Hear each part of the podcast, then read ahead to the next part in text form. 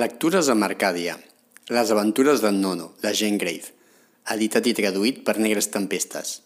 Capítol número 25. La visita a la presó. El dia fixat, els dos artistes que havien deixat en Pemoc i el Talp a casa van assistir a la cita i es van dirigir a la recerca del carceller en companyia del nou amic. Aquest els esperava content. Li havia dit al seu parent que havia conegut dos estrangers que volien visitar una presó. Els carcellers, quan estaven de servei, se'ls permetia rebre la visita de la seva família, perquè en aquell cas no podien sortir de la presó durant un mes.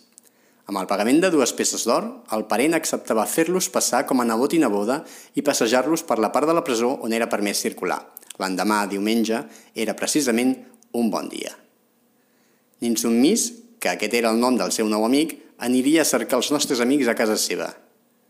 Segons el que van pactar, l'endemà, a l'hora fixada, els va anar a buscar, com és d'imaginar, per anar a la presó no s'entrava per la porta d'honor del palau, sinó per la poterna d'una de les torres. Quan hi van arribar, un sentinella els va preguntar on anaven, i quan li van dir que volien veure el clauer turment, el sentinella va cridar un soldat que els va conduir a prop d'aquell a qui buscaven. Aquest els va rebre afectuosament, tal i com convenia el paper d'oncle que representava, i va estranyar la mà de l'autèntic parent, demanant notícies dels seus familiars i amics. Després els va fer seure i els va oferir un refresc. Precisament en aquell moment acabava el seu torn i tenia tres hores lliures.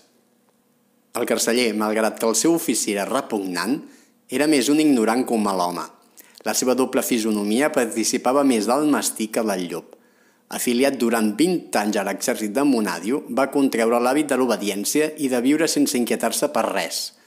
A casa dels seus pares havia vist com n'era de difícil la vida de l'obrer, sobrecarregat de treball unes vegades atemorit per la falta d'aquest gairebé sempre i tenint sempre present el perill constant de la misèria.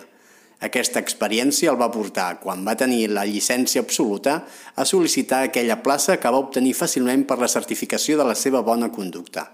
Sense adonar-se de la trista idea que donava d'ell mateix, els explicava tot allò, fins i tot amb un cert orgull. Namab, li va preguntar si no li feia pena veure els presos, perquè allà devia haver-hi desesperacions terribles i crisis de llàgrimes i de sanglots. El carceller va arronsar les espatlles. Segons ell, els que es fan tancar en una presó no mereixen compassió, i si no, que facin com tothom, obeir i treballar. Així no els passaria res dolent. A més, els amos, els senyors, no poden manar més que coses justes, i ell obeïa als amos. Amb aire indiferent, en Hans li va preguntar si hi havia en aquell moment als calabossos del palau algun pres especialment interessant i si se'l podia veure. El carceller, que era xerraire, va detallar la vida dels presos. Justament en Nono estava al seu càrrec i no el va oblidar en la seva relació, sobretot perquè el seu procés va ser sorollós i era recent. Va prometre als seus visitants que els deixaria veure per una escletxa que tenen les portes de tots els calabossos. En aquell moment es va aixecar, va agafar un manat de claus i els va convidar a seguir-lo. Els va conduir primer a alguns calabossos buits. Després van visitar diverses sales més ombrívoles a mesura que s'anaven allunyant, fins que van arribar a una que estava guarnida amb armaris. Aquí, va dir el carceller, referint-se als armaris, es guarden els instruments de turment. Com que de turment? va preguntar insubmís. Però si el turment està abolit. Uns cent anys enrere, en efecte, els argirocracis van fer una revolució que, entre altres coses, va abolir la tortura. Però el carceller els va explicar que l'enginy dels magistrats no va trigar a inventar instruments nous que fan patir el mateix al pres amb l'avantatge de no deixar cicatrius ni senyals. Va obrir un armari i els va ensenyar l'ordre que arrenca l'acusat de la seva família, del seu entorn, i que quan està immers en la instrucció secreta el fa passar per totes les fases de l'angoixa i de la inquietud. Hi havia, més, les peces de la instrucció secreta, la dels falsos testimonis i molts altres instruments complien els armaris. Es parlava de prohibir que els jutges poguessin utilitzar la instrucció secreta, però aquests tenien molts mitjans per terroritzar l'acusat més fort i valent. I mentre obria altres armaris els ensenyava infinitat d'instruments petits, acerats i aguts com ungles d'aus rapinyaires. En Hans va preguntar com passaven el temps els presos.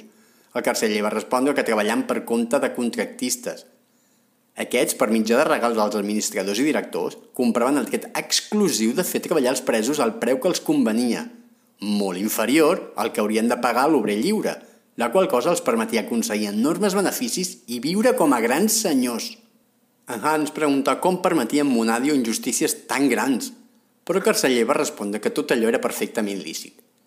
La falta és dels que pel fet d'apartar-se de l'honradesa es fan dignes de càstig i per això estaven a la presó, per patir.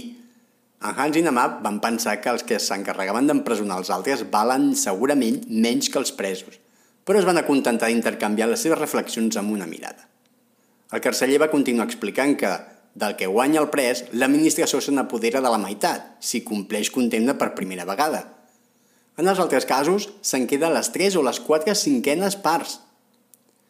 Del que els queda, els presos es poden gastar una meitat i el saldo se'ls lliura a la sortida de la presó. Els presos es veuen forçats a fer les compres a un proveïdor especialment autoritzat per això, que sol ser el contractista que els fa treballar, cosa que representa una altra font de beneficis. Acabada la inspecció d'aquella sala i també la seva explicació, els va fer travessar un corredor llarg i ombrívol. Després, aturant-se davant d'una porta, va convidar els visitants a mirar per un forat. Era un calabós.